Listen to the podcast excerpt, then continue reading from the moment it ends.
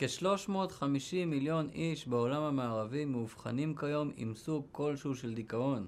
350 מיליון זה מספר עצום, בלתי נתפס. איך זה יכול להיות? בפרט שהעולם כל כך התקדם מבחינה חומרית, והיום החיים שלנו הרבה יותר קלים, הרבה יותר קלים. מה הביא את האנושות למצב הזה? כ-50% מהזוגות בעולם המערבי מתגרשים. למה כל כך לא טוב להם ביחד? אני אנסה להבין מה גורם לזה, ונראה שאחד הגורמים המרכזיים, נסכם אותו בשלוש מילים. ציפיות לא מתוקנות. ציפיות לא נכונות לדברים שלא אמורים לקרות.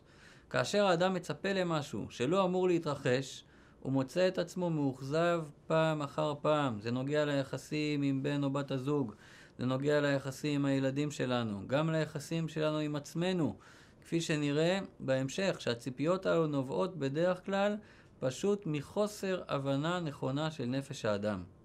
בספר התניא, ספר שמלמד אותנו את תורת הנפש על פי הקבלה ויסודות התורה, אדמו"ר הזקן, מחבר הספר, מסביר מיהו האדם בכלל ולמה עליו לצפות מעצמו. אז בואו ניכנס לעניין. נתחיל עם שאלה מעניינת. תשאלו את עצמכם, האם אנשים משתנים או לא משתנים? תחשבו רגע על כל מי שאתם מכירים או הכרתם לאורך השנים. האם ראיתם שאנשים משתנים לאורך השנים או נשארים אותו דבר? תחשבו רגע על עצמכם, אתם השתנתם או שנשארתם כמו שהייתם? הסתבכתם עם התשובה? האמת שזו שאלה מכשילה. למה? כי כשאנחנו חושבים ושואלים את עצמנו האם בני אדם משתנים, קודם כל צריך לחשוב בכלל מי זה האדם. מי זה האדם שאנחנו שואלים עליו אם הוא משתנה או לא משתנה.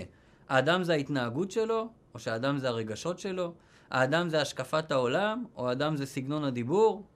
כדי לענות על השאלה הזאת, האם האנשים משתנים, צריך קודם כל להבין מיהו האדם. אז בספר התניא שהזכרנו קודם, מסביר המחבר שיש כמה רבדים באדם. אז בואו נתחיל מלמטה ונעבור על כל הרבדים. בדרגה הנמוכה, הדרגה הכי נמוכה זה נקרא רובד ההתנהגות. בדרגה הזאת האדם מתגלה לעולם על ידי ההתנהגות שלו. אין ספק שההתנהגות מייצגת את האדם. האדם מתנהג, ודרך אגב גם מתלבש, באופן שבו הוא רוצה להציג את עצמו לעולם. אדם מתנהג בהתאם לאמונות שלו, בהתאם להשקפת העולם שלו, אבל רגע, תמיד זה ככה? הרי אדם יכול גם להתנהג לפעמים נגד האמונה שלו. אדם יכול לעשות מה שמבקשים ממנו, למשל, במקום שבו הוא עובד, ואם הפרנסה שלו תלויה בזה, הוא גם מסוגל לעשות דברים שהפוכים ממה שהוא מאמין בו. מכיוון אחר, אדם גם יכול להתנהג בשונה מהאופי שלו כאשר הוא נמצא במקום העבודה. למשל, אדם כעסן מסוגל לחייך כמה שעות רצוף. אם הוא עובד במשרד קבלה בבית מלון ועל כך הוא מקבל את המשכורת שלו, אז הוא יחייך. אז אם כך, אפשר כבר להגיע למסקנה ראשונה. ההתנהגות זה לא האדם עצמו, ההתנהגות היא רק ההתנהגות של האדם. לכן, האדם יכול לשלוט בהתנהגות שלו. האדם יכול לשנות את ההתנהגות, את דפוסי ההתנהגות שלו. במה זה תלוי? זה תלוי רק במוטיבציה. כמה הוא רוצה לעשות את זה. בואו ניקח דוגמה קלאסית. בן אדם שרגיל לעשן כל יום, והוא אומר שהוא לא יכול להפסיק לעשן. אם בפעם הבאה שהוא ירצה להדליק סיגריה, נציע לו, קח אלף דולר, רק אל תדליק את הסיגריה הזאת. הוא יסכים או לא יסכים? כנראה שהוא יוותר על הסיגריה, ואם לא, נציע לו עשר אלף דולר. אם צריך נציע יותר, בסופו של דבר, אם הוא מספיק ירצה, אז הוא יוכל לשלוט בהתנהגות שלו. אבל, כיוון שזה תלוי ברצון, וצריך כוח רצון מאוד חזק לזה, אז רואים שזה לא קורה הרבה. אבל זה אפשרי, ויש הרבה אנשים שכן הצליחו לשנות את ההתנהגות שלהם. בואו נעלה עכשיו רובד אחד למעלה יותר. מעל ההתנהגות, מעל המעשים, יש לנו את הדיבור. הדיבור של בן אדם זה דבר נשלט שניתן לשינוי. כל אחד יכול לשנות, או שככה הוא מדבר וזהו. אז כמובן, כל אחד מבין שגם הדיבור נשלט.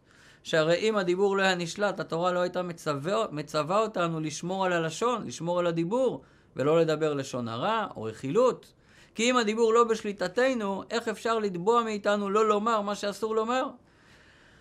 יותר מזה, אם הדיבור הוא לא בשליטת האדם, אז אחרי 120 שנה שאדם יעלה למעלה, לבן דין של מעלה, ישאלו אותו, אה, למה דיברת לשון הרע או כך וכך, אז מה הוא יענה? מה אני אעשה? אני לא שולט בדיבור שלי? בוודאי שאי אפשר להגיד דבר כזה.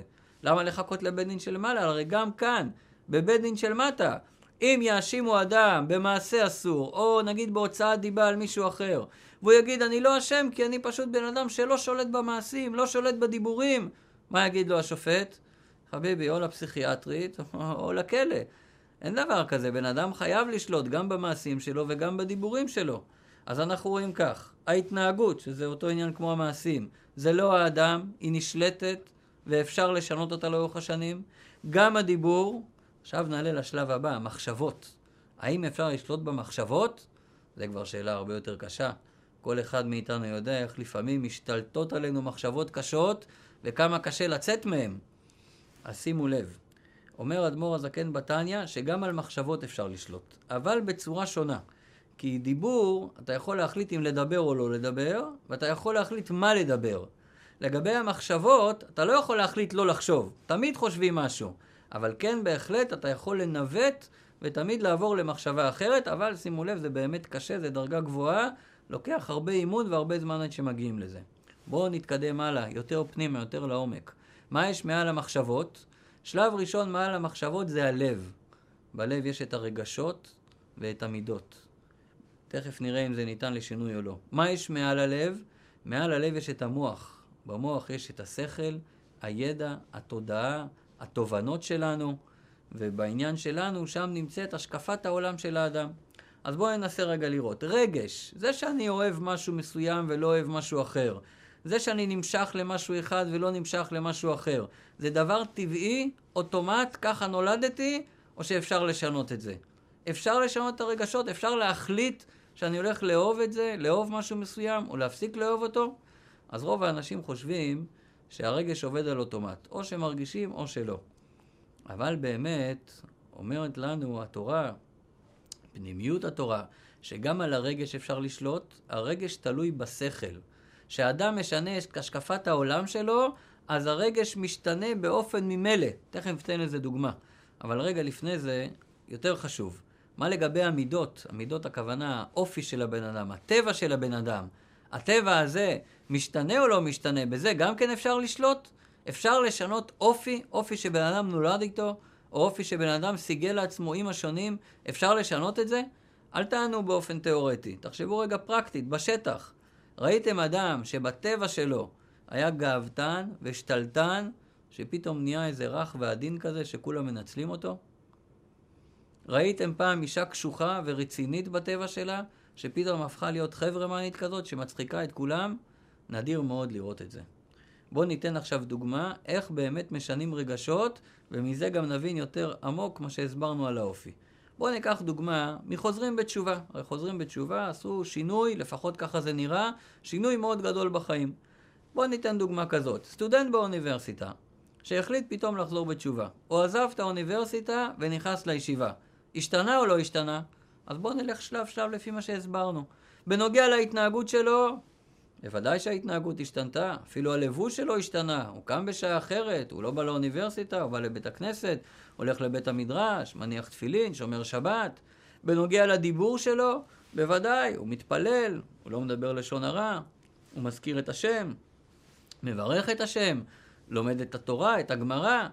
בנוגע למחשבות, זה קצת יותר מורכב, אבל בוודאי שרוב היום הוא חושב על דברים אחרים. קודם הוא חשב על המבחנים במדעי המחשב באוניברסיטה, ועכשיו הוא חושב על התנאים והאמוראים בגמרא שהוא לומד. לגבי הרגש שלו, גם הרגש שלו השתנה. אם פעם היה לו רגש שלילי, סלידה מהדת, אולי אפילו סלידה מאנשים דתיים, עכשיו זה מה שהוא אוהב.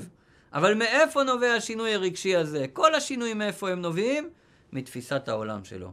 השקפת העולם שלו השתנתה לחלוטין. קודם הוא חשב שהוא בא לעולם בשביל להוציא את התואר הזה ולעשות כסף ולפתח את עצמו וכולי. ועכשיו השקפת העולם שלו היא שהכי חשוב לקיים את רצון הבורא, ללמוד תורה, לקיים מצוות. אבל מה לגבי האופי שלו? אם הסטודנט הזה היה ליצן, שתמיד דאג להצחיק את כולם, ולא בדיוק ישב ללמוד כל היום, עכשיו בישיבה הוא פתאום יהפוך להיות שקדן, או שיישאר ליצן? אם להפך, אם זה היה סטודנט שהוא היה הכי שקדן, עכשיו בישיבה פתאום הוא יהיה ליצן? ודאי שלא. הטבע נשאר טבע, המידות נשארות, האופי נשאר אותו אופי, רק שעכשיו לומדים לנתב את האופי לכיוון אחר. באוניברסיטה הוא לקח את כוח השקידה הזאת ל... להשקיע אותו בלימודי המחשב, בלימודים שהוא למד שם, להשיג את המטרות שלו, ועכשיו הוא משקיע את זה בלימודי התורה.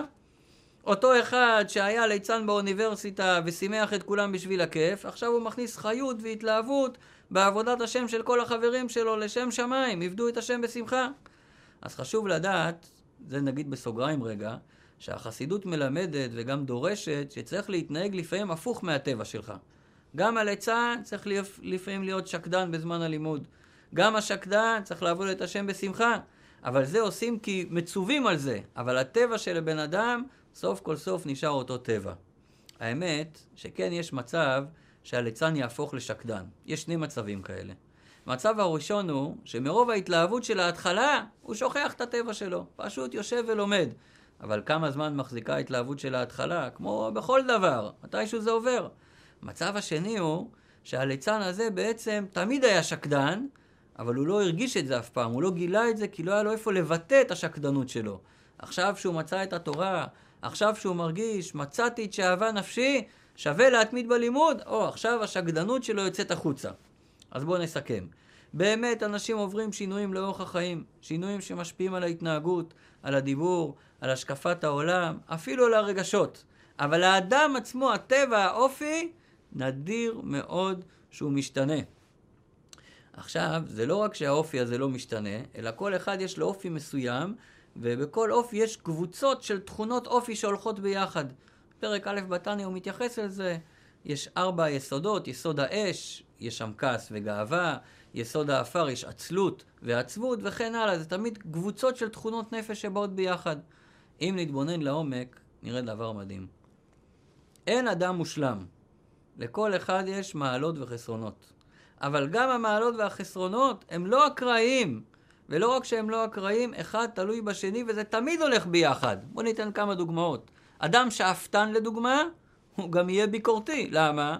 מאותה סיבה שהוא שאפתן ורוצה תמיד להתקדם, הוא גם ביקורתי. אדם יצירתי עם נפש של אומן, בדרך כלל יהיה אדם שלא אוהב מסגרות. זה מגיע מאותו מקום. אדם עם רגליים על הקרקע, שיודע מה הוא רוצה מעצמו, ויש לו שאיפות גדולות, בדרך כלל הוא גם מתעצבן כשזה לא קורה, ולא מסתדר כמו שהוא רוצה. אדם זורם לעומת זאת, פחות שואף, אבל גם פחות מתאכזב. עכשיו שימו לב. עכשיו שאנחנו מבינים שאנשים לא באמת משתנים, אז אולי נפסיק לדרוש מהם להשתנות. תראו מה קורה פה, אנשים מתגרשים מאותה סיבה שהם מתחתנים. אני אראה לכם איך זה בא לידי ביטוי בזוגיות, שימו לב. מה קורה היום בחיי הנישואין? מה אחת הסיבות המרכזיות לכל כך הרבה זוגות שמתגרשים? הרי באופן טבעי אנחנו נמשכים לאופי הופכי משלנו שמשלים אותנו. ואז קורה הפרדוקס הבא. אישה דומיננטית בטבע שלה מתחתנת עם גבר זורם ואדיש, בגלל זה היא רצתה אותו, ואחרי שנה היא מתלוננת למה הוא כל כך אדיש. גבר מנהיג שיודע מה הוא רוצה, אוהב לכבוש יעדים, מתחבר עם אישה זורמת, לא החלטית, שתלך אחריו, רכה, אחת שרוצה שיובילו אותה, ואז הוא מתלונן למה היא לא החלטית, למה היא לא כמוני. אז מה עושים? בזוגיות הפתרון מאוד פשוט. אנחנו צריכים לבחור מחדש בבן או בת הזוג שלנו. לקלוט את התמונה האמיתית, להבין מי נמצא מולי, לשים על השולחן הכל, גם את המעלות וגם את החסרונות, ולהבין שזו עסקת חבילה שלא תשתנה. דרך אגב, דגש, האופי לא ישתנה, את ההתנהגות נלמד בעזרת השם בהזדמנות איך כן אפשר לשנות. ואז להחליט, אחרי שראיתי את כל המכלול, אני בוחר בזה או לא בוחר בזה. אנחנו נשואים כבר הרבה שנים, אבל אפשר להתחתן מחדש. לבחור מחדש בבן או בת הזוג שקיבלתי, עם המעלות ועם החסרונות. דרך אגב, בעומק יותר, זה לא רק מעלות וחסרונות. זה לא רק שקיבלתי בן זוג קשוח, ומה לעשות, הוא גם כעסן. בעומק יותר אפשר לראות שגם את הכעסנות שלו אפשר לאהוב. למה? כי זה מה שמביא את האופי של הקשוח, של השאפתן, של העמוד שדרה, הביטחון שהוא נותן. ויש לי גם סוד אליכם, אל תגלו לאף אחד, אבל שמשלימים עם האופי של השני ולא מנסים לשנות אותו, אז הוא מתחיל להשתנות, ולא רק בהתנהגות. עוד נגיע לזה. כל זה, הזוגיות, זה רק משל למה שקורה בתוך כל אחד ואחד מאיתנו. כי גם בתוכנו יש מערכת זוגית שלנו עם עצמנו, וגם בתוכנו יש בעיה דומה, שאנחנו לא מרוצים ממה שקיבלנו מהאופי שהקדוש ברוך הוא הלביש עלינו, או מהמשפחה שלנו, או מהדברים שעברנו בחיים. אז כיוון שהבעיה זהה, גם הפתרון זהה. וזה הסוד של החיים. זה הדרך גם לפתרון הבעיה שלנו עם עצמנו. כי גם עם עצמנו אנחנו לא תמיד שלמים, וגם על עצמנו אנחנו שואלים ומתלוננים, למה יצאתי כל כך ביקורתי? למה אני כזה קפדן? או, או לכיוון ההפוך, למה אני חסר שאיפות? למה אני זורם ולא יוזם? ולא שמים לב שזה חלק ממי שאני, זה מה שהבורא עשה אותי. ומשם מגיעות גם התכונות הטובות שלי, לראות את הטוב שבכל דבר. אז כמו שמול בן או בת הזוג התנאי לשינוי, התנאי להצלחה, הוא קודם כל לקבל ולהשלים עם מי שקיבלתי, עם מי שאני, סליחה, כמו שבזוגיות, שנייה, אז כמו, תזמן לי? לא, אני יודע איפה, אני רק תזמן לי להתחיל. אה, אתה יכול להתחיל. אז כמו שמול בן או בת הזוג התנאי לשינוי, התנאי להצלחה, הוא קודם כל לקבל ולהשלים עם מי שקיבלתי, כך גם לגבי עצמנו. קודם כל צריך לקבל את עצמנו. זה מי שאני, ככה בורא עולם יצר אותי, ככה הוא רוצה אותי, זה האופי שלי, זה הטבע שלי. עכשיו, כשהשלמתי עם זה, יהיה הרבה יותר קל להשתנות, הרבה יותר קל לשלוט בהתנהגות ובדיבור, ואפילו במחשבה. עכשיו שאני מקבל את עצמי, הבהלה ממצבי נעלמה, ואפשר להתחיל לפעול כמו שצריך. אפשר להשתמש באופי שלי בכיוון הנכון. וזה הביטוי המעשי לאמונה בהשגחה פרטית. מדברים הרבה על אמונה, על אמונה בהשגחה פרטית. וזה הביטוי המעשי לאמונה בהשגחה פרטית. מדברים הרבה על אמונה, על אמונה בהשגחה פרטית, אמונה בכך שהכל לטובה, ולא תמיד יודעים איך לבצע את זה בפועל. אז הנה לכם, הצעד הראשון אפשר להתחיל עכשיו. תתבוננו מה עבר עליכם עד היום. אל תסתפקו במחשבה, תכתבו את זה. זה יעזור לכם להתבונן בחיים שלכם, להתבונן בעצמכם. אפשר להמשיך להתווכח עם הבורא אם זה טוב או לא, אפשר להמשיך להתלונן, אפשר להמשיך להרגיש מקופח, או להמשיך לחיות במרירות ותחושה של החמצה, אבל אפשר גם לבחור מחדש. לבחור מחדש בחיים, לבחור מחדש בעצמי, במשפחה שלי, במי שאני, בכל מה שעברתי, לבחור מחדש מהמקום הכי פנימי והכי עמוק בנפש, לבחור ולשמוח בבחירה, להבין שגם מהשלילי מגיע חיובי, שהירידה הייתה לצורך עלייה, שהחיסרון מביא יתרון, שבתוך החיסרון עצמו יש יתרון.